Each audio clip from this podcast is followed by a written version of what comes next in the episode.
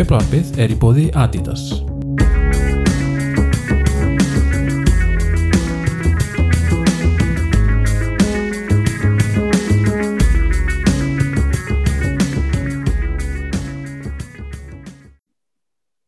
Velkomin í 89. þáttunum Djöflarpinu. Ég heiti Maggi og í þættunum kvöld erum við mér þarna Þorstein Sælir.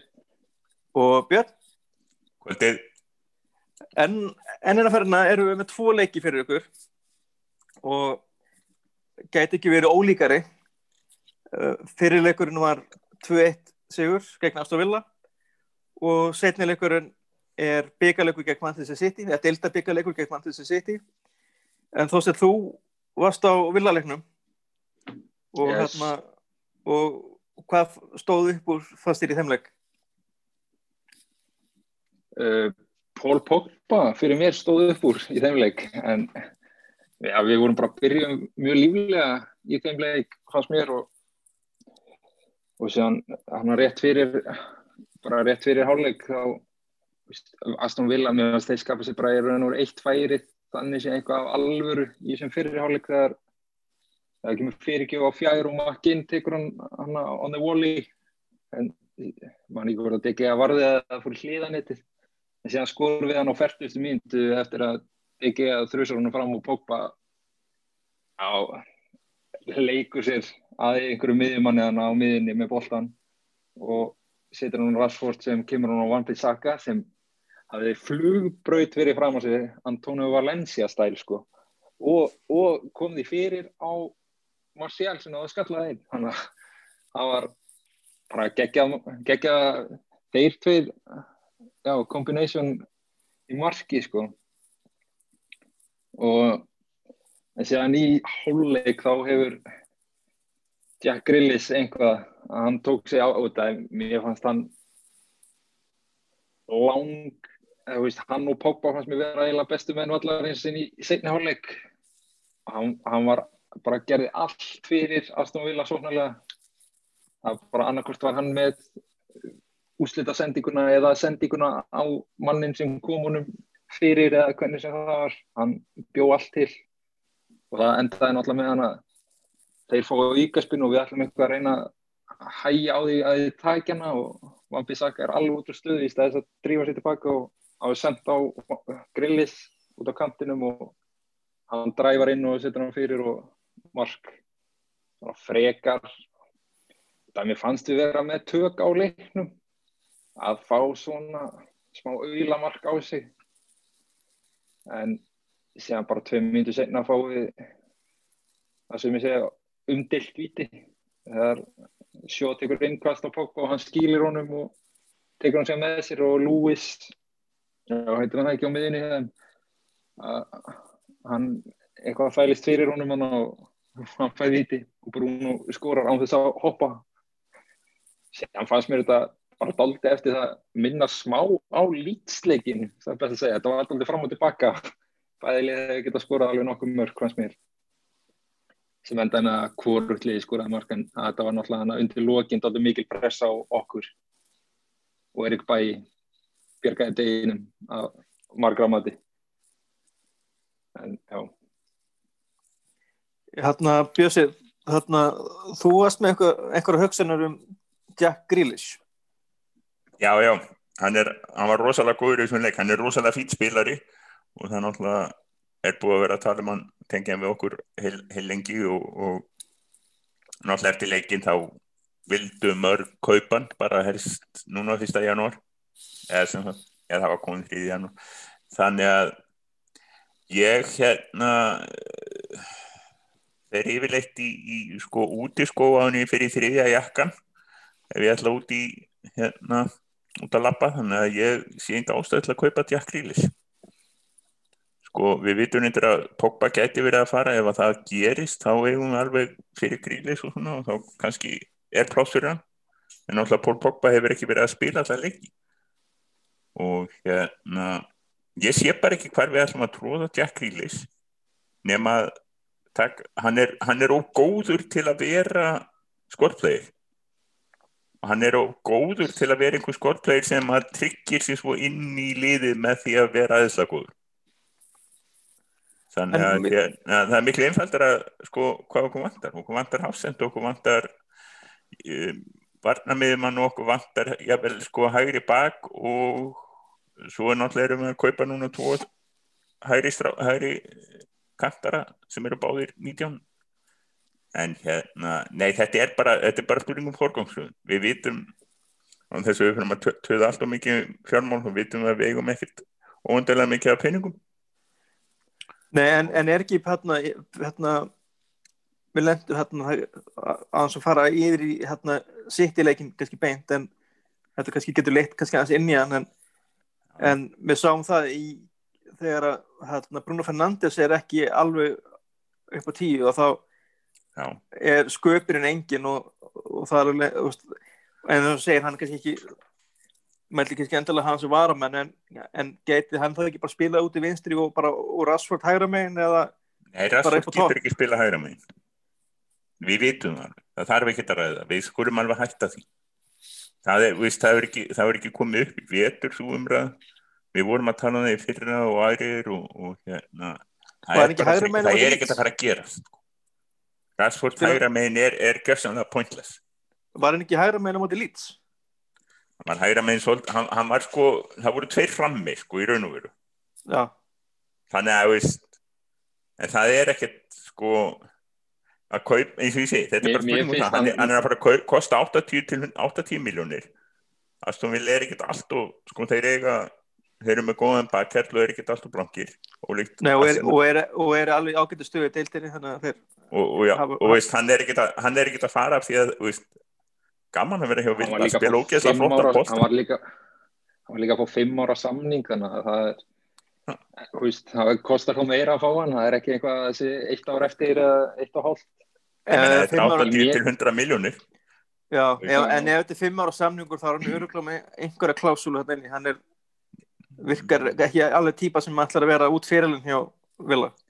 Nei, en það er, hann er veit- með að er spila svona. Mér finnst sko ég jú, hann er alveg hrikalega góður og allt það, en ég er svona ég var að spáði upplifa hann smá jafnvel þótt að mér, hann er tölvert eða við sínt að hann er tölvert betur en það en eins og það Gilvi sig var í Swansea, skilur vera vera gægin aðal kallinn í, veist, veist hann alltaf statikinn hans er svona út að hann er gægin sem, veist, hann er langbesti gægin, eða þannig í þessu liði sóknarlega, svona oft og Hva, tíðum. hvað gerist ef hann ef það þarf að setja hann á bekk sko, hvernig verður, þú, nú vitum við það hann er ekki sko alveg svo stabilast utan allar Það er náttúrulega líka ástæðan, akkur hann er ekki löngu farin bara, veist, akkur hann fór bara ekki til Chelsea þegar hann var 19 ára, þú veist, það er náttúrulega líka ástæðan, akkur hann er ennþá í Aston Villa. Að, að hann að taka sjensin á gæja sem er þekktur fyrir, já, að vera er er svona- Sko, eigum við ekki bara að gleðast yfir því að Aston Villa sé, veist, það er gaman að fleiri liðum gangi vel og það er gaman að það er góð leikmenn í öðrum liðum. Frekar en því sé að hlaðast á bekkina hjá okkur og Chelsea og City. Já, þannig menna, það er ekki bara gott, þetta er gott fyrir er, að- Villa er rosalega, eins og við sáum þennan leik Villa er að spila rosalega skemmtilega bolta og fá stig ólíkt lít og fá þessi fá mörg þeir eru með næstbestu- næstbestu vörðina í deildinni. Allan af topplið af liðunum sem eru í topp 6 Na, eða topp Og 10 líka bara besta markmanni í deildinni. hátt í það. Já, Já. svona sem markmann. Ég, ég myndi sem, ég, sem sko ég ég, ég myndi segja að bestu kaup tímabilsin sennilega Aston Villa og Martínez þetta var Já, alveg nema við fyrir að ræða Ruben Díaz en næsta leik. Já, en það er nú ekki eins og það er nú ekki eins og það hann hafi verið sko keftur til Ro- Rotherham, skilur þetta er, nei, voru nú ekki, voru nú sko- ekki hérna illa stattir þannig sé Martí, Martínez er, held ég búin að halda hreinu sko átta sinnum á tímabilinu og, og ein, einn leikurinn sem hann held hreinu í þá varð hann víti og varði fullt af skotum hann vann þann leik þannig sé fyrir Villa frábær guð en í, það er líka alveg pæling, pæling með Villa hvort að eru þeir kannski að fara að ná að vera á einhverjum lester status? Hvort að þeir geta byggt sig upp í það? Sko þeir eru, ég man ekki alveg hvernig, sko þeir eru með þannig er þeir, þeir eru, eru með bandarkjumenn á bakvið sig sem er ekki allt og sko er ekki alveg ja, klikkaður og, og okkar menn og, og Arsenal. Þannig að Nei, hann það er, hann hefur alltaf verið fælt í fyrir íhaldsamt sko, þegar kemur að eðslu og svona, það er aldrei verið, verið teknið miklu sensor. En, en er samt vel reykjum, þannig að þetta, gætur, eins og sig, þetta gætur bara lestur og það er bara gaman, það er bara, vist, Það er betra að hafa mörg fl- góð lið heldur en að sé alltaf sömu þrjú skemmtilegra. Þannig að ég held að við eigum bara að leifa Jack Grealis að vera stóri fiskurinn í litlu tjörninni. Ég, ég, ég er með ákveð Það er Kani og Egipti sem eru með Villa. Já, já, var, já það kom þannig einhver annar inn með honum, það ekki. Já. Býtu, er þetta ekki. Randi Lörner, er ég að rugla? Nei, var hann ekki farið? Wes Endens Já, er annar og síðan er Nasser Lerni, Lerni var alveg var það ekki? Hann var, já, það, jú, Lerni. það, já, einmitt, það er nýr, það er nýr eigandi. Það var ég, En hérna líka ef- það að vera mikið fagnar þegar hann fór, e- ekki ósvipað og þegar að. En líka hérna við snúum okkur að þú veist, liðinu okkar, Pogba í þessum leik, að, þetta er svona þannig að fekk hann að spila vinstra veist, í flæðinu og allt það þú veist, þannig var svona, það sem að tala fyrir hvað, fjórum árum, fimm árum að þetta væri það sem hann væri að gera hjá Juventus. Já, og svo þegar hann kom í sittileikin þá sást hann ekki en, eins, þá og, ko- en, en- eins og við segjum sko, sittileikurna þegar þú varst að tala hefum ekki bara farið yfir í hann. Jú, við, af því að þú talaðir um gríli sko, hefði geta komið þar inn. Já. nú nefndi ég það ef að Pogba fer, þá er grílis möguleiki. Þá er það alveg þannig. Og hérna en, en ákvörðat sko Pogba hefði átt að vera að taka, taka hérna hittan og þungan þannig af Bruno sem að þessi leikur gegn sitt í var hann var rosa skemmtilegur sko, þetta var eina alveg öfugt við þetta 0-0 hjartefli sko, það sem sko enginn var á skýslu en það skipti einhver máli vegna þess að það var nákvæmlega ekkert sem þurfti að skrifa um leikin það gerist ekkert. það var bara nákvæmlega ekkert sem gerðist í þeim leik sem, sem þurfti að þurfti að ræða eitthvað sko. eins og það var fullt af, sko, það var svona kannski ekki alveg opinn færi og United fekk ekkert allt og mikið á einhverjum einhverjum færum sem þurfti að tjá sig um og hérna þetta var rosa opinn og skemmtilega leikur. United var að pressa, sko, þeir voru að sérstaklega í fyriráleiknum, sko, þá gekk vel hápressa hjá þeim. Og bara þó nokkuð skemmtilegt hvernig voru, voru að spila sko. fyriráleikunum var svo, svo í seinni sko, þá, þá var City var betra. Og, og vörning hjá City var miklu betra á því að taka á öllu sem að United reyndi að gera. Og það var einlega helst sko Pogba var ekki, Bruno var náttúrulega alveg heilum horfum í þessum leik. Hann, ég meina hann bara, þetta var bara leikur þar sem að hann var ekki með og hann verður að kvíla móti Watford. Og hérna en Það var bara sko, Fernandinho og bara fyrir góður í hann. Það var líka jú, svolítið- jú, jú, það var vörnin og miðan hjá, hjá hérna, City var að vinna vinnuna sína sko, ja, og vel það. Ekki líka bara eins og setni hálfleikur skilur þeir heldur náttúrulega, veist, ég veit ekki hvað United með 30 eða 35% bóttan eða jafnvel minna.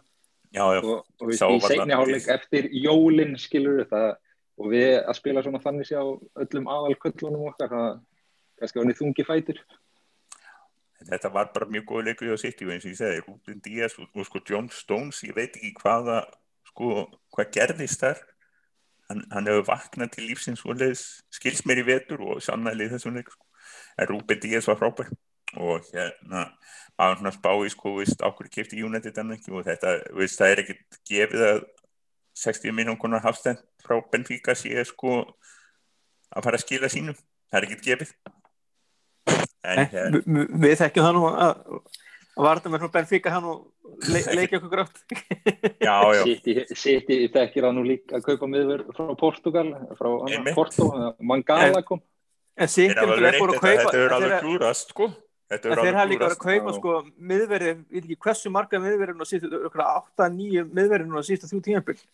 Þeir búin að eða sko, ég veit ekki gífulum fjármunum. Hann, hann er, Ég held að við getum reyndar ekki að henda höfuð. steinum úr miðvarðarglerhúsinu okkar sko Nei, en við, við, við erum ekki búin að kaupa marga. Þeir eru búin að kaupa sko, sko gigatins marga miðverði. við erum, við erum búin að kaupa, sko ef við, ef við horfum alveg sko átt ára aftur, þá erum við alltaf að reyna að kaupa einhverja promising, einhverja sko 30 miljón, 20-30 miljón pundar menn. Ég meina, Laporte til dæmis, áttu að vera eitt besti, eitt besti af Ég, hlefnilegasti ég veit miðvörður í ekki heimi. hvað er að gerast þar, ég hérna bara allt í nú, er, er hann, bara rándýr. Já, en hann var rosalega fín, hann í fyrra fram að meðslu. Ég held, er hann ekki bara mittur núna? Ég held að hann sé Hann bara er líka, jú, hann er búin að vera mittur í vetur sko. Svo er hann var ekki hann og Nathan Ake eitthvað, þeir Jú, Nathan- Ake um jólin sko. Og svo veit ekki hversu marga vinstri bakveðar eiga. Ég held að allir, allir örgulega Þeir, tveir er að segja láni. alla, alla bakverðina sko, en, en, en allavega þá hérna þetta sýnir sko þetta, bara bæði þetta hafsendavesin á þeim og okkur það sýnir að þessi lög, sko og, Þetta er bara erfið staða. Þetta er bara, er erfitt að finna rétta.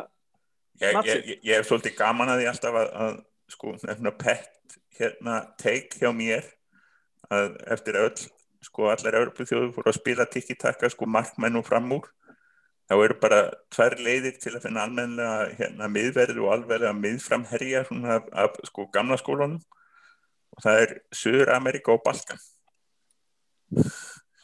það er eina sko þar, þar, þar færðu þessa sko þessi monster sem sagt og hérna ég okkur vantar monster hafsend og hérna sko ég passa með að segja þetta ekki, er, það væri svona mastilega að segja þetta með Haldur í, í símanum sko ég myndi ekki segja að við við stæði við hliðin honum. Þegar það, það er til mynd af okkur saman þannig að þeir, þau sem hafa séð hana skilja hvað ég er að menna Það, það, það, það er svolítið eins og pakketi fyrir myndina Twins ef fólk vantar hérna reference. Já, nema hvað ég er ekki alveg hnöttóttur ég er ekki alveg jafn hnöttóttur og Danny DeVito.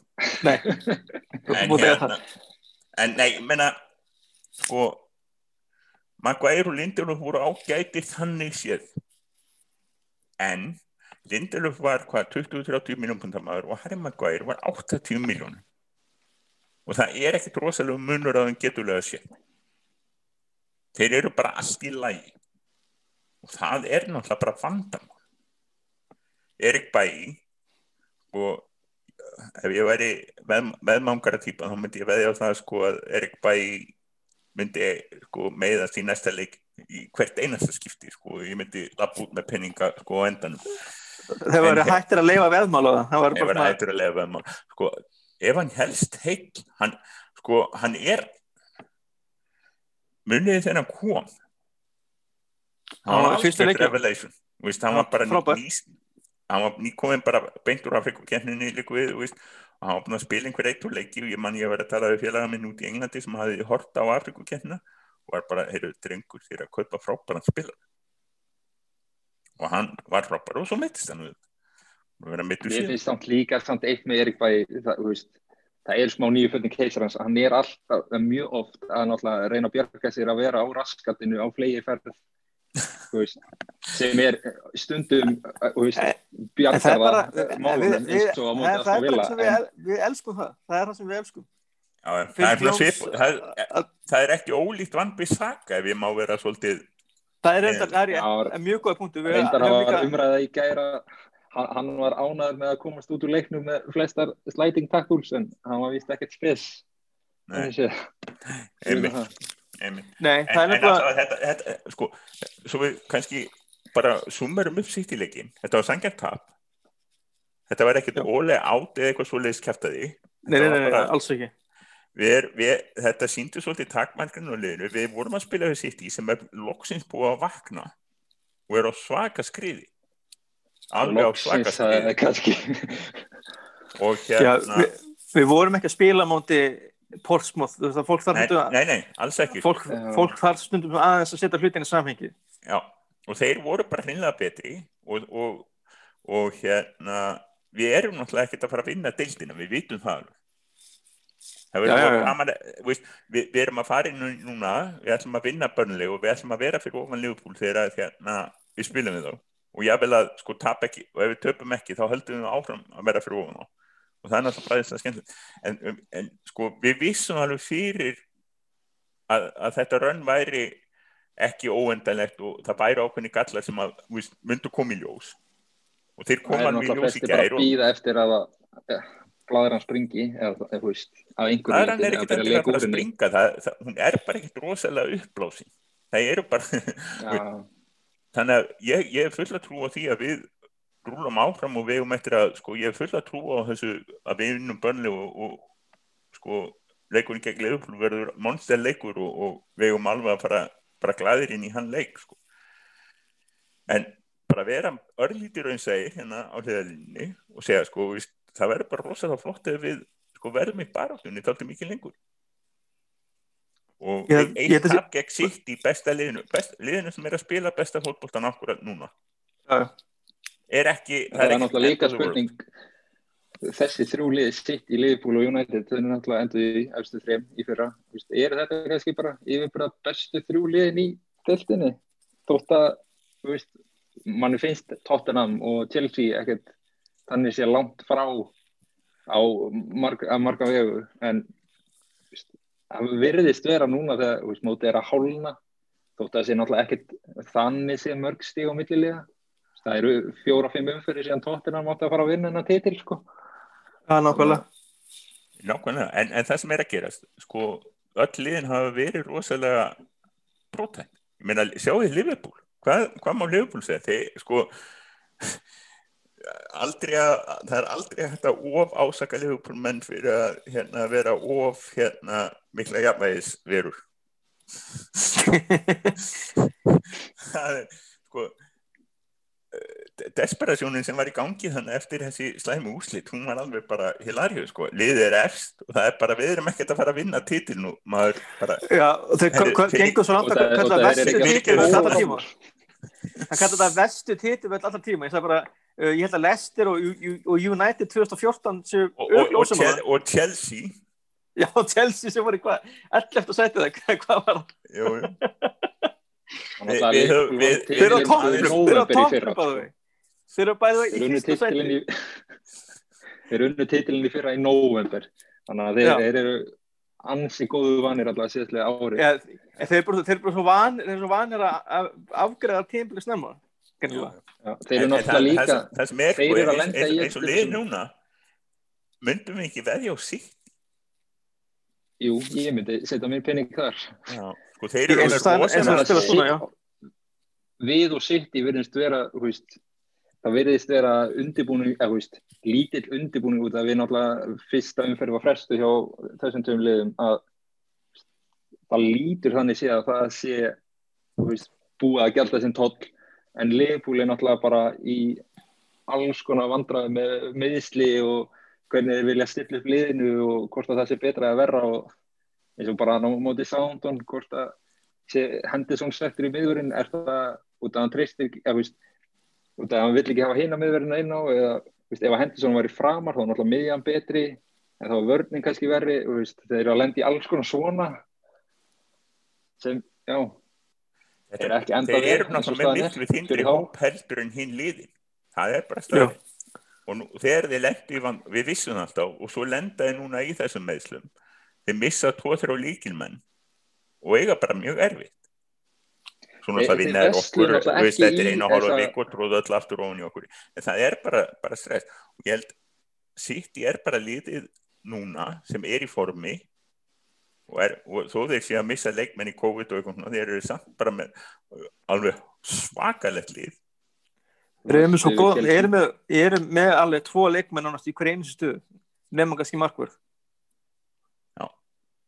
og Sem það er hann varði nú spilað- eitt, tvö skotan alveg bara hróttalega vel á mót okkur Já. þannig og að líka nokkri leikmenn sem geta spila daldi marga stöður, bara eins og Wow Cancelo, hann getur spila báða bakverðina og, og í Já, kerfinu ég- og hvert jóla og leysir hann alltaf inn á miðju til þess að óvelóta miðjuna þannig að Ég meina og, og, og og sér er hann bara með Sissenko, hann getur líka gert þetta.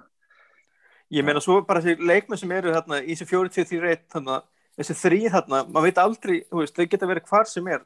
Störling getur verið þess að vera hægra megin eða bara miðjun eða frammi.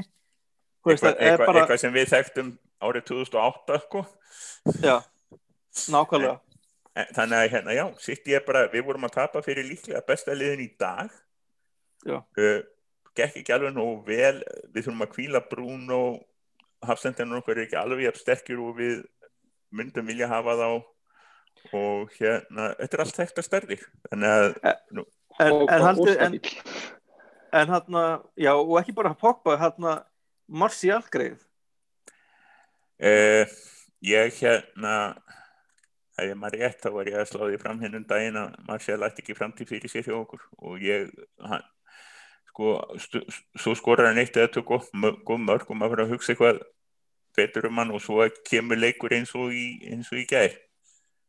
Hann var að dífa sér og, og sko hann er 25 ára, hann er orðin fullorðin hann gæ, veist, 25 ára leikmaður getur batnað en það eru þessi hluti sem vantar í leik, leikinans Það vantar bara, að vantar þetta, sko, stöðuleika og það vantar þetta líka bara, hann er bara ekki klíniskur. Og færði ekki þess að færum. Þessna sem að maður myndi halda að Cavani ætti að vera bara fyrsta nafn á blað þarna það kemur á framhörastöðinu hjá einhver.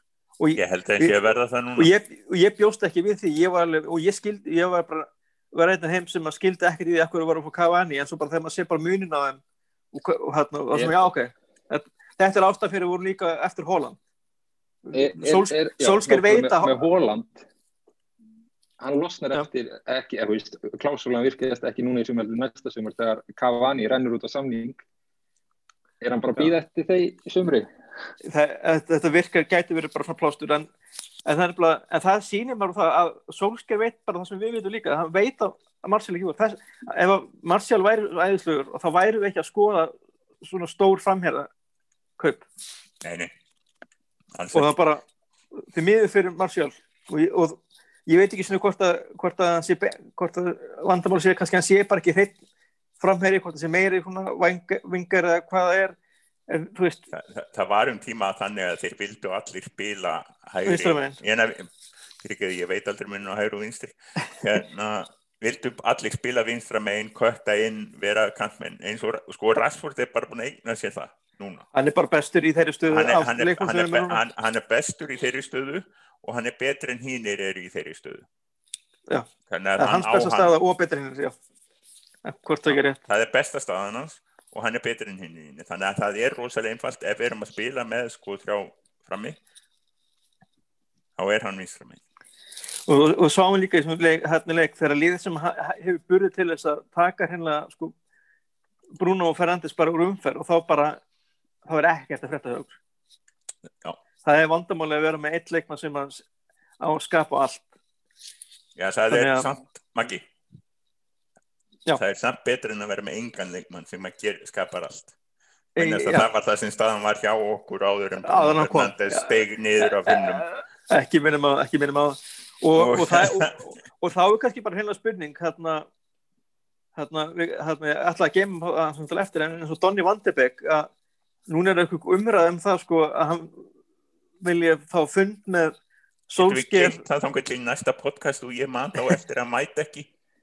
Ég nenni ekki, ekki umræðinu Van de Beek uh, Nei, hann, er ekki meina, að fara, hann ekki að fara. nei, nei, nei, hann eh, það, er, sénsa. það er ekki já, já, en það er ekki það sem ég ætla að tala um sko. ætla að tala um, en er þetta ekki þá leikmann sem að þarf þá að stíga upp og, svona, og fá kannski tækifæri til að spila þessu stöðu og, og stíga upp? Af því að náttúrulega, ég vil samla svo umræða er insane að hann, já, þessi umræði með hann vil ég fá fundið eitthvað, það var Frank de Boer að segja það í sjónvarpinu. Ég held að Ole Gunnar Solskjær hafi komið fram. Hollendingar eru þeir, þeir eru leiðilegasta fólk held ég. Solskjær var að segja í einhverju viðtali núna að, að, að Van de Beek, hann vissi þannig sér fyrirfram í hvað, veist, hvað hann væri að koma út í, hann væri ekki að fara þetta líklega beint inn í liðið og, og veist, þetta, þú veist, hann vissi alveg þessa stöðu, þú veist, ef hann væri búin að sína meira í þessum, til, þú veist, í þessum leiki sem hann hafi fengið, þá væri hann væntalega að spila meira, en hann er bara er, búinn að alltaf, er ekki bara alltaf hann eitt sem ég minna á eitt sem ég minna á og mér finnst alltaf gleymast í sko, umræðinni við erum ekki á æfingavellinu við erum nákvæmlega. ekki á æfingasvæðinu. Ég hugsaði hvert einu sem skipti og alltaf, og alltaf þegar fólk það er er, að ekki- þetta er kommentar ekki hjá okkur. spurning um að fá sko, þú færð ekki sjensinn í leikjum bara því að þú ert ekki búin að spila undanfærið þú færð Nei. sjensinn í leikjum ef þú sýnir á æfingasvæðinu. Þetta er bróðskup einfalt. Ef að Diego að Maradona myndi endurfæðast sem 18 ára leikmannun og lappin á völlin inn á æfingarsvæði hjá United, hugsanlega sem Amad Diallo eða eitthvað og bara snýta mönnum þá fer hann í liði í næsta leik. Það er svo einfalt. Sko, framkvæmdastjórar er ekki í þessu business að gefa mönnum ekki sjensa algjörngum miskilningur framkvæmdastjórar eru ekki í þeim business að gefa mönnum ekki sjensa sem eiga að skilja. Það er, er bara rétt. vangal, menn þurfti ekki að geta mikið til þess að, að hann hleypti mönnum í liðan hjá Mourinho var, þá er það öðruvísi Já, já, það, það er alltaf smá munur en, en sko ég bara, eins og ég segi ég, sko ég hef ekki maður, maður hef, hann hefur ekki verið að sko til að komast inn í lið það sem er eins og hjúnandi það eru sko 11 manna liðu okkar er nokkur veginn nest í stein fyrir utan svona hvaða tveir Þetta... af Pogba, McTominay og, og Matit spila. Já og já. Restin er alveg bara ef þú ætlar að velja 11 manna lið þá bara veistu hvaða lið núna hvaða lið það er. Ef þú þarf ekkert að hugsa um annað en sko bara leikin og morgun og það er allir heilir. Nei og ég, og ég líka ég treysti líka Solskjær en ég bara þannig maður, ég bara treysti honum að hann velji bara þann sem er að standa sér best og, og er að hitla mest á æfingu og það, það sem honum finnst vera tilbú, tilbúinastur til að spila. Og hérna það hérna, og það er náttúrulega galið líka bara að halda fram að hann veitir betur heldur en maður sem að þjálfa liðið og er, er með að einhver segja hvernig maður Ma, getur alltaf gaggrið svolítið þjálfvara það er alltaf hægt sko, en, maður gaggrið þjálfvara en, en það kemur að eins og segja, maður er ekki maður sér ekki æfingarnar. Nei, og ég sé og, ekki sko ég segi, ég hef ekki séð neitt þannig frá Van de Beek á í leikjum að hann sé svo eitthvað rosalega góður, hann er alltaf í lægi hann er ekkert að standa sér út þegar ísla svolítið eins og viðverðin eins og ég var að tala um þetta er alltaf í lægi þetta er ekki meira. En það eina sem við tölum um er að við tölum um yfirverðina þeir eru bara stílaði og þess vegna viljum við meira og þess vegna sko og við höfum betri opsjónir oftast heldur en fann það beig ég er alveg eins og, og sammála alveg sko Dóra þú veist er að maður hvæðir ekkert líluga miðvörur en mannamáli er hann er bara ekki frábær. Einmitt. Það er eins og ég segi, ef þú sérð ekki almenna munin á hérna Lindelöf og Maguire 20 miljónum og 80 miljónum þá er eitthvað að. Já. En að það það, það er hverki miðmar uh, það var eitthvað slúður um að vera að kaupa miðvar það var engin nefndur vegna þess að það er engin og lausu þannig að við erum getið að fara að kaupa miðvar næsta. Pasta. Fundur og pasta. En allavega Já, við getum að nýta okkur það að það vill, skemmt, vill mitt svo skemmtara til að hann, hollendingurinn, hérna, Donny Vandebæk er eitt af leikmæri mjög sem að spila í Ardas skó og, og vestlaðir Adidas skó og þá mælum við með vestlunum Jó útherja músík og sport en þeir eru með hérna, með vestlanir og netvestlanir og svo náttúrulega er að sjálfsögja adidas.is hann er um að gera í COVID að nýta sér netvæslanarnar og, og kynna ykkur hvað aðdasvörur eru í bóði það er ekki bara skotnir heldur líka treyjarnar og sokkarnir og stöðbúrkurnar og, og ég veit ekki hvað. En Dóri, nei hérna fjósi, það er hérna gammal svona legend hjá liðinu hverti í síðustu viku. Tómi Dókerti Tómi Dókerti er farin, hann, hann var 19 ára þess fram á síðust ár. Uh, hann var náttúrulega sá sem kom með gleðin aftur í United eftir að alltaf gengið aftur fótunum eftir að, eftir að Busby hætti. Uh, stjórnarnir þar á eftir voru alveg vonlausir og það var allt í þessu. Og Doherty tók við fórum með liði niður í aðra tilt og síðan sko fyrir, fyrir þá sem voru að fara á leiki þá er þetta skemmtilegast að tíma að bila við við erum, þetta eru, þetta eru menn sem eru á hátt og 70 aldri í dag og langar enn í slag. En hérna þegar liðið fóru upp 74 þá var hérna þá var spilar opbúslega skemmtilega uppálti og, og Doherty spilaði grimt kantmenn sem að var svolítið úr tísku þá. Með rosalega skemmtileg slið sem að, sem að rústaði hérna annar tildinni og, og, og stöðningsmenn rústuðu svona nokkur lestarvögnum í leiðinni og stöku búðum og svona í, í, á þeim stöðum þar sem komið var við. Þetta, var, þetta voru fjöru í tímar.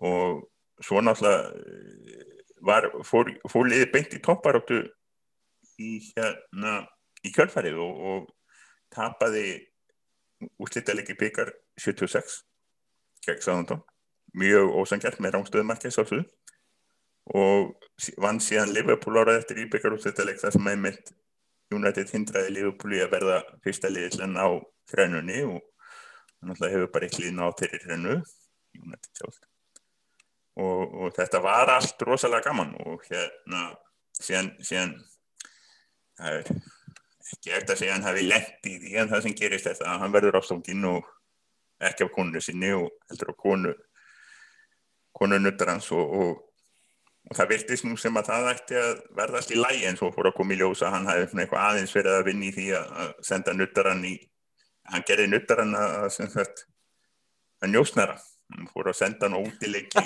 hjá uppkomandi liðum og, og, og, og þá var þetta orðið aðeins of mikið sko.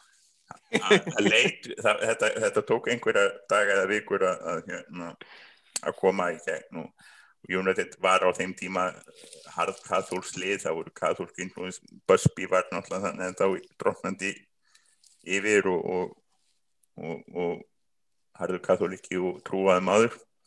Þannig að þetta endaði þetta endaði þannig að hérna að Doherty var ekki.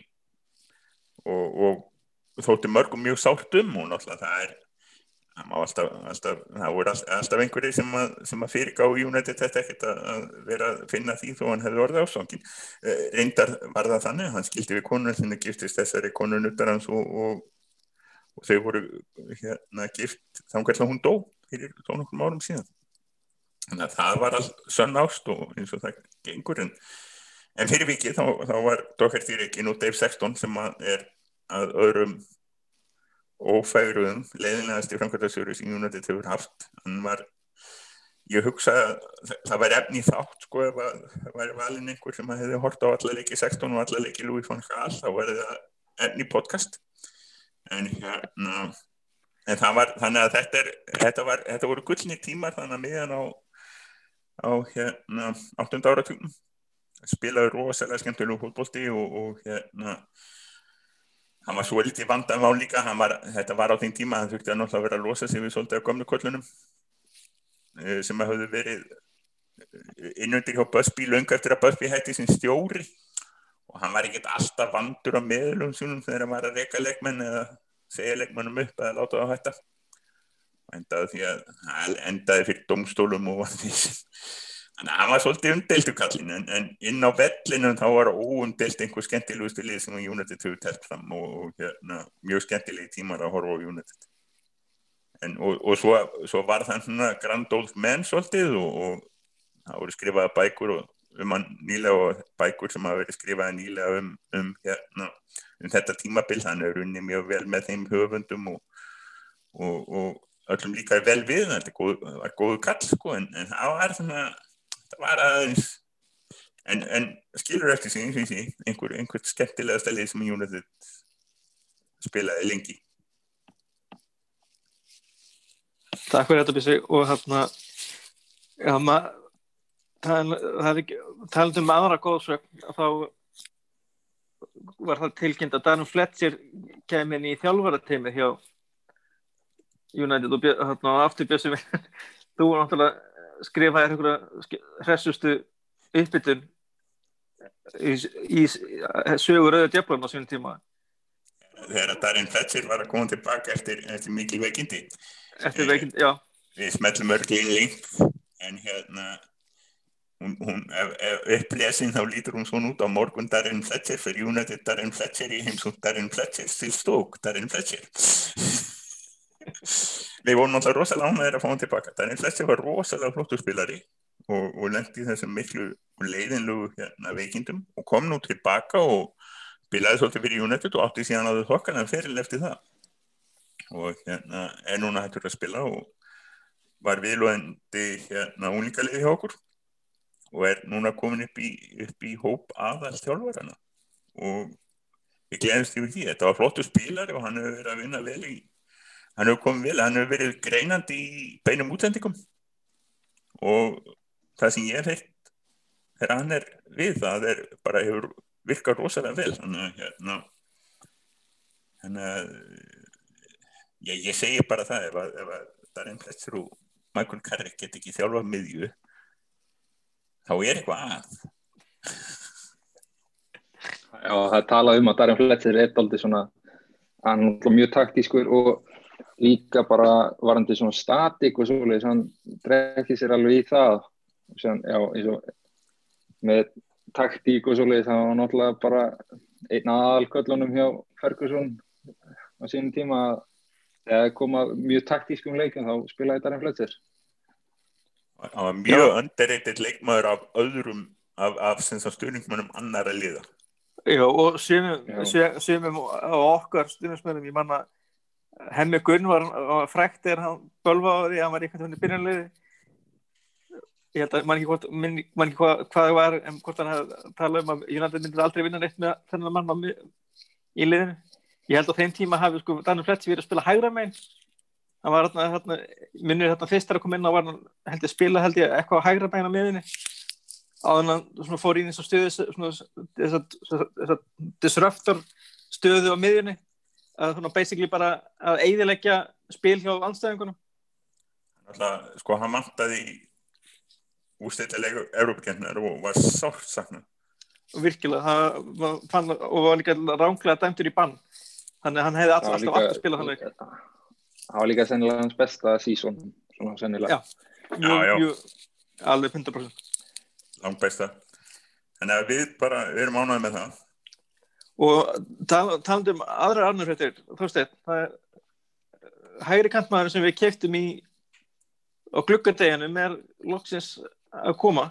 Amad Diallo heitir hann núna og Amad Diallo Traori eða eitthvað. Hann er, hann er vist alveg búin að droppa þessu Traori Tra, Traori nefnir það farið. Þannig að það er bara Amad Diallo já, ég held að sé mann ekki hvort að sé hreinlega bara með Amad held ég á aftan á treyjunni hjá sér.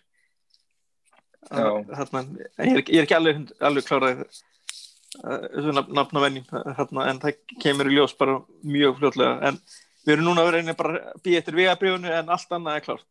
En er búið að kynna yes. hjá United Twitterinu og, og, og það er ekkert það er að saka United Twitteru ímislegt en það er ekkert að saka um að vera ofljótir að tilkynna leikmannakaup þannig að ef það kemur þar þá er það nokkuð örugt held ég. Vest að við það að maður fari ekki að sjá númerið. Maður er alltaf spenntur að sjá númerið hvað leikma vera en það, þurfum að býja til ísannu og númerinu. Það, það, það, það verður heilt vídeo.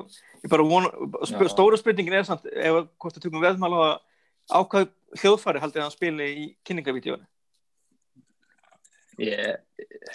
Er pianoð ennþá er pianoð ennþá ég ætla að segja fyrir er pianoð ennþá no-no er, er Sanchez búin að eða ekki það alveg er það ekki?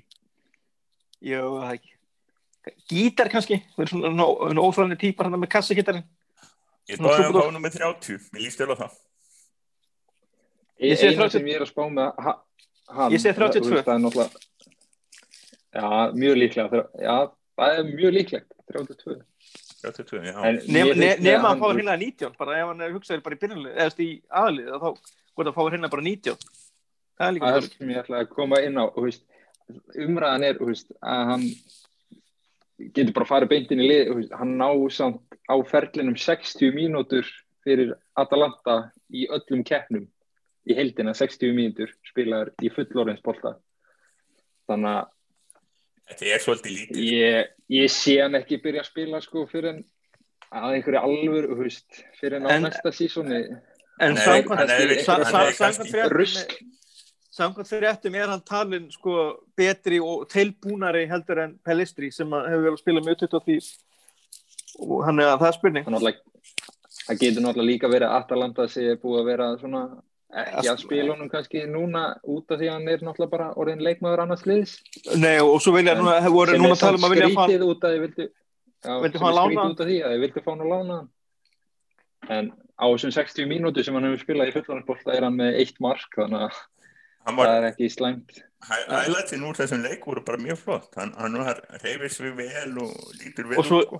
svo var líka fyrir punktar hérna frá skátum hérna yfir sko, hvernig þetta lýsa hann sem leikmann og, og það er með talin að hann sé sko með lágan þýndamúnt hann hann haldi, þú veist hann er ekki sterkur en það er erfitt að ná hann á boltanum og svona hann er stöðugur og hann sér vel kringu sig og, svona, og hann er og, og, hérna, og góður að koma boltan frá sér hann, er, hann ættur inn að geta spila, spila sko, hann er held ég hugsa sem hægri kantmaður en hann getur að spila bara hvaða stöð sem er sko, hann getur þessna verið bara fyrir Það er aftan, náttúrulega ekkit rosalega samkeppni þannig á hægri kantinu.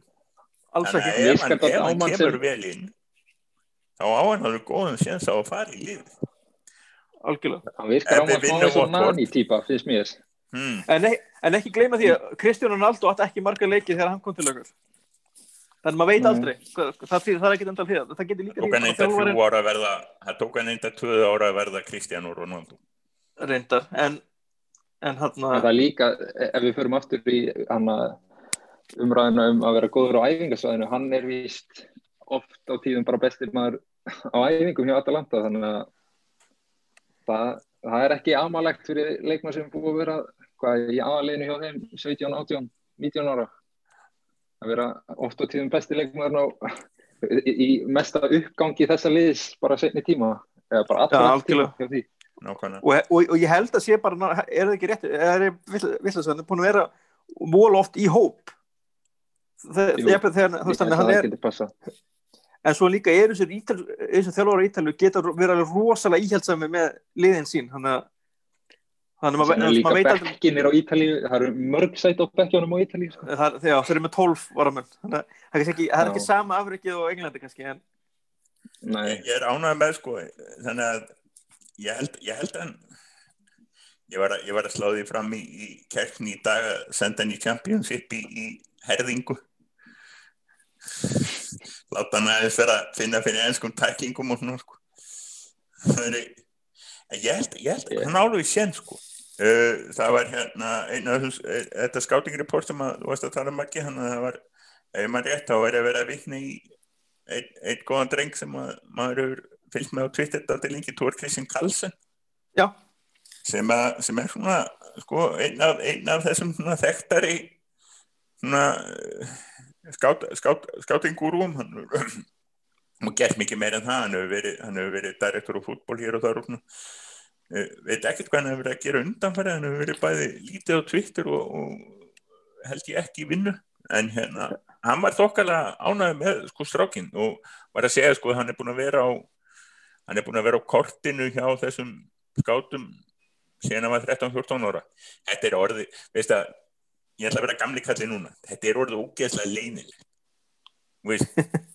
veist það er alveg já, hann er búin að, ég er búin að vera að fylgjast með húnum frá því að hann var 13 ára og þessi er búin að vera á kortinu því hann var 14 ára.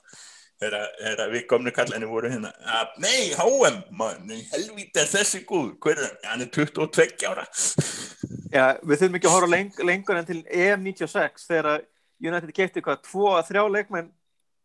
Getið þrjá leikmenn bara beint eftir EM tvo, Jordi- tvo leikmenn sem hafa verið á EM Jo- Jordi Cruyff, Karel Poborski og. Ron, og Ronny Jónsson já, Nóru Var ekki- ekki á EM var ekki Nóra úr EM? Nei, held ég.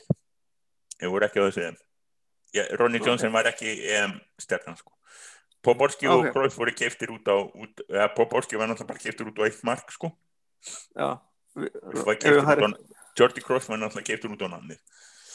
já, það er- Og hérna, en nei, nei, það, þetta, þetta er orðið þannig að það eru, sko, það eru til vídeo af öllum leikmönnum í fimm ára aldurinn og, og þetta er bara nútímið, þetta er bara ágætt. En, en, en það er, það er hérna, árlegt hérna efnilegustu leikmenn sem að hérna bæði er það sem Guardian hefur verið með þeir hafa verið með 17 ára leikmenn og fylgst síðan með þeim og reyndar hérna ég held að muni eftir inn bed with Maradona blokkinu.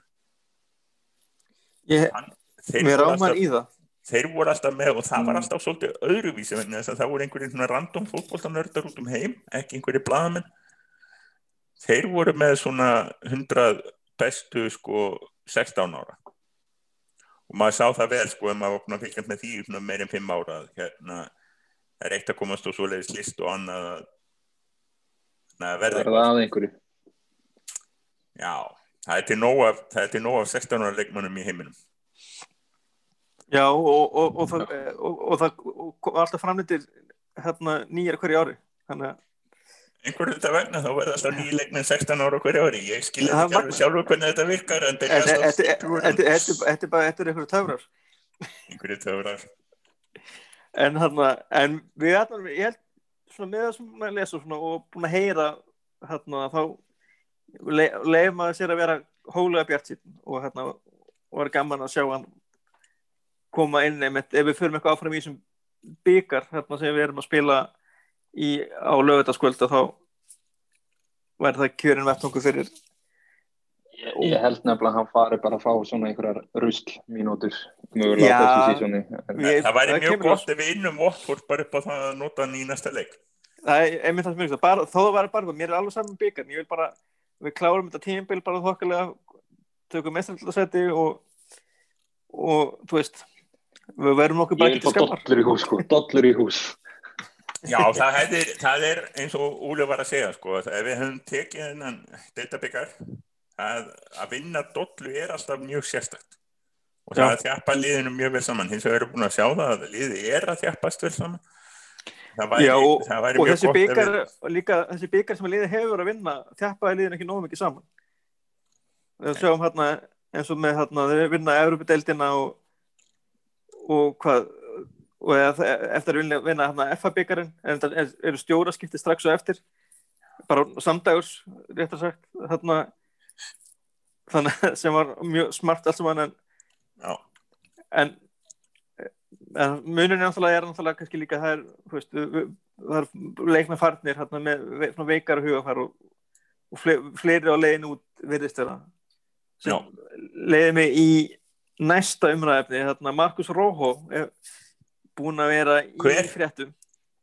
Æ, hérna, er- hérna, hérna ristaðbræðis samhandin já, já, hann, ok hérna, brennir Listabræks listamæðurinn hann, hann, hann rista brauðið sem spila fótbolta. Mjög varlega, mjög óvarlega en en hann að vera að tala um að var að tala um að hann væri hreinlega búin að semja við bóka í, í hann Argentínu og, er á leiðinni en svo kom fyrir þetta það að vera ekki komin eitt samkomulag við United um að hann fengi að fara en, en það verðist vera að það að hann fá að fara sér há því að hann fá að fara bara frítt. Og ég meina hann er að há launum þannig að frýtt er ekki frí- frýtt og frýtt á hann að ekki, eitt og hálft ára eftir að samningi? Jú en hann er Markus, þetta er Markus Róhó ég veit ekki. Nei, nei, þetta er, ég meina, hann fer bara þetta, víst, hann er, er alltaf, skiptir einhver máli, víst, hann er aldrei að fara að spila aftur fyrir Júnandi, þannig að skiptir hann er, þrjá, hann, er þrjá, hann er 30 ára og hann er ekki búin, hann er aldrei í hóp hann er ekki í hóp síðan að er það ekki réttum, hann er ekki verið í hóp síðan að hann gaf hann að jafnunumark hann mútið Leopold og síðast nýbjölu eitthvað þannig. þannig að Það gæti vel verið síðast að ég fyrir hann þá var hann er- að er- einhver eða jafnvel það síðast nýbjölu, var ekki að láni síðast nýbjölu Jú, seinni, seinni hluta síðasta tímabils. Já, hann fór í, janúar hann fór í janúar hérna, til Estudiantes. Og var eitthvað mittur og eitthvað var ekki heillað þar þannig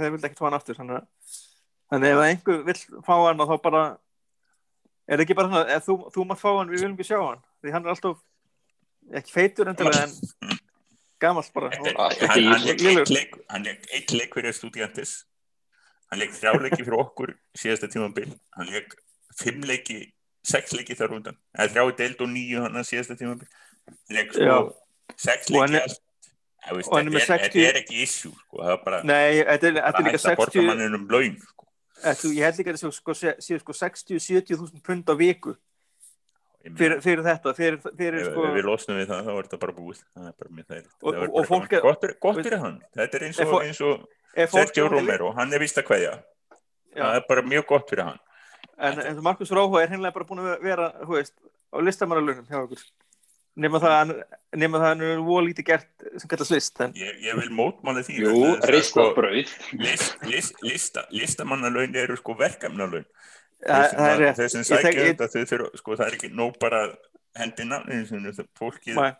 þarf actually að segja hvað það ætlar að gera næstu þessa þrjá mánuði eða sex mánuði eða tólf mánuði sem að er, þeir eru á launum það er og það er verkefnarskýslur og allt sko. Þannig að en- Róbó sko, hann hefur hann hefur verið á heiðurslaunum sko. það er bara heiðuslaunum það er rétt. Það er stór munur þar á. Það er alveg betra. En það er líka miðjumæður sem er hérna, finnst manni dálítið upp og þurfi vera að orða við okkur og, og sá verið búin að vera mjög duglegur að, líka við alls konar fæslir hjá United á Instagram. Moises Caicedo sem að ég bara ég veit ekkert um hann að leikmann og en það eina sem hefur heyrt er um að um, um, um hann er að hann sé- eigi að vera þrjusu efni. Þannig að en er þetta ekki bara eitthvað svona ég meina er þetta ekki bara leikmaður sem að nættið ég meina er Jú, jú, sko hann vil koma til United og meira segja sko var eitthvað talað um það fyrir 23 dugum að, að hann hefði meira segja sjálfu innbráð því sko að hann var alveg opinn fyrir því að taka milliskref sko. En hann er ólíkt Pellistri sko þá er hann að spila. Hann er að spila á fullu í sínu liði hann er búin að spila landsleiki og hérna ég, það var einmitt hérna verið að tala við Tim Vickari um hann. Tim Vickari er, er hérna búin að vera sem sagt, hann, hann býr í Brasilíu og hefur búið 30-40 ár, hann er búin að vera sko aðal, aðal fótbolltaskrýbendin í, í Suður Ameríku fyrir World Soccer í, bara síðan ég byrjaði að kaupa World Soccer held ég kringum 85 og hérna hann, hann hefur séð stöku góðan leikmann og hann var mjög hann kallaði hann the real deal. Þannig að Uh, sko, ég held að við getum bara sagt að Moises Caicedo sé einhver leikmaður sem við erum að fara að sjá í toppliði í Evrópu. Og það er bara spurning og ef hann vil koma til United þá en það er einmitt skemmt. Það er suma fréttir um þetta máli líka bara að sé, þannig sé allt klárt. Meira þess að þú veist, upphæð fyrir hann og allt nema veist, það er bara þetta að vísa og allt það. Og hann ætti út að hann er búin að spila landsleik og svoleið þá ætti hann að fljúa í gegnum þessar nýju Brexit-reglur til dæmis. Já, það var, það var eina af er, er, þetta er, punktamál og hann er víst með nóga punktum. Og, Já, út að hann er líka hann er líka búin að spila í meistaradeild Suður Ameríku sem er núna eftir út af þessar reglur honar þá listast það alveg jafns á við það að spila í meistaradeild Evrópu. Þannig að landsleikur og það, það er alveg Já, hellingur á punktum og það vill, Já. vill einmitt svo skemmtra til að hann getur einmitt spilað miðunni og djúft hann mun Sem- vera hetjan að þennin gól og kanti. já, ætla, ætla sé að hugsa þér sem bara koma inn hann fyrir Matits og Fred Já, ef að, ef að, ef að, en sko þetta er, þetta líktar líka rosalega af því að liðið vilji selja.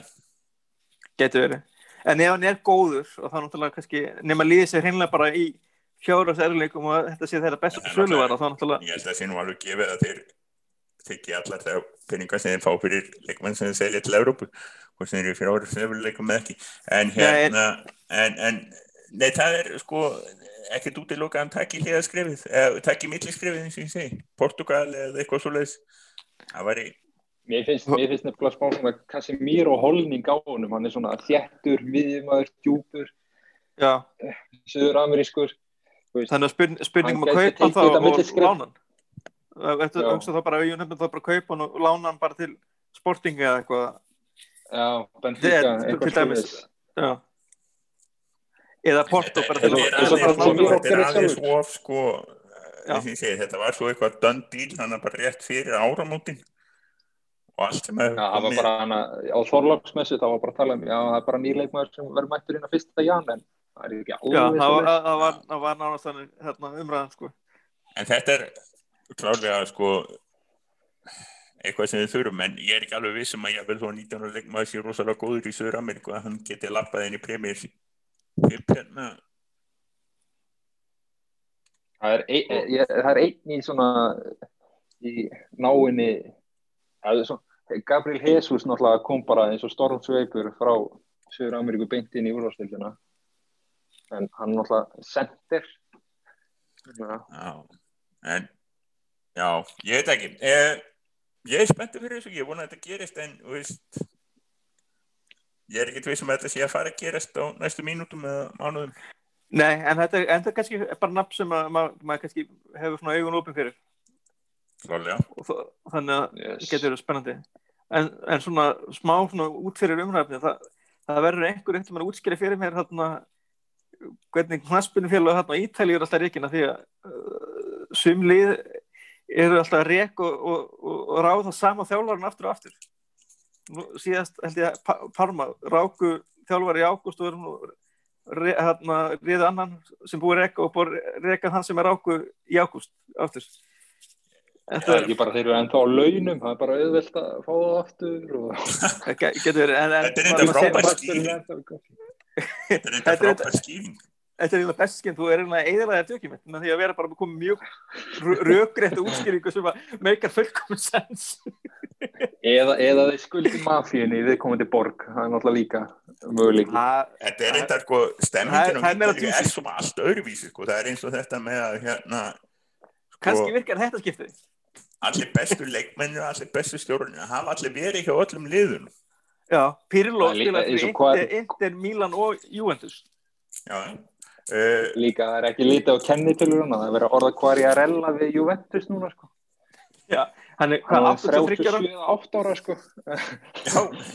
Já, hann er bara barn hann er, hann- er bara barn og andri þetta er, þetta er mjög, þetta er náttúrulega sko, eins og ég segi, það, ég, ég viðkynna það alveg þrátt fyrir að vera ítal og fíl þá, þá hef ég bara þinn ekki skoða þetta nú.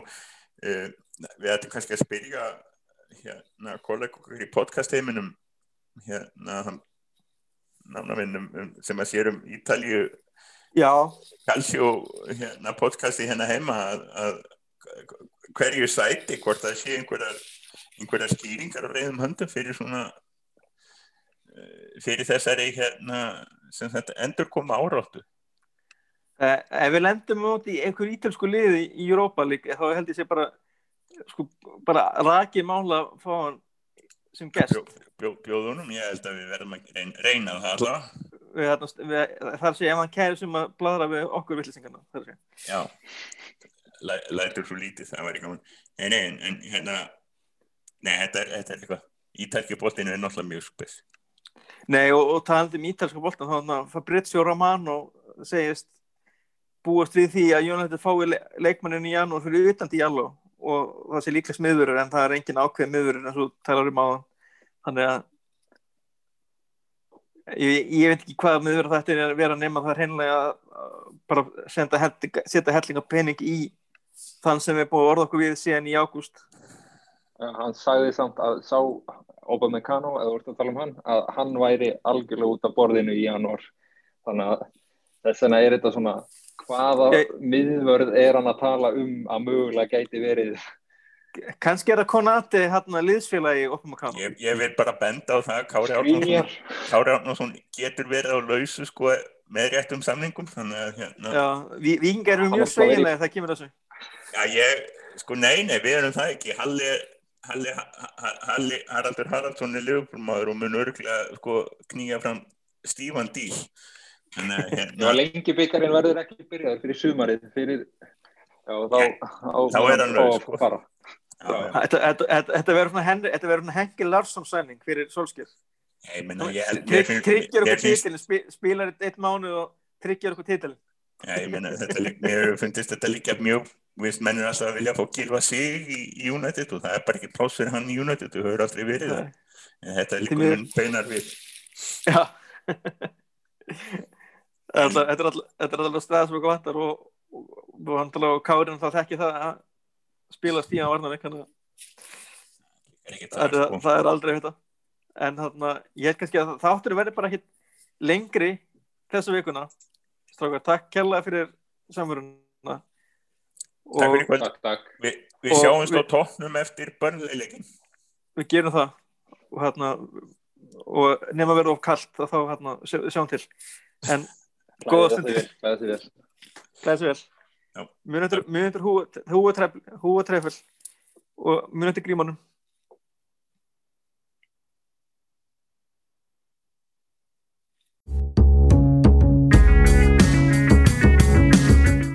Fyrir að hlusta á Djöflavarpið. Þið getur fundið frekari umfjöllun um Manchester United á rauðudjöflarnir.is.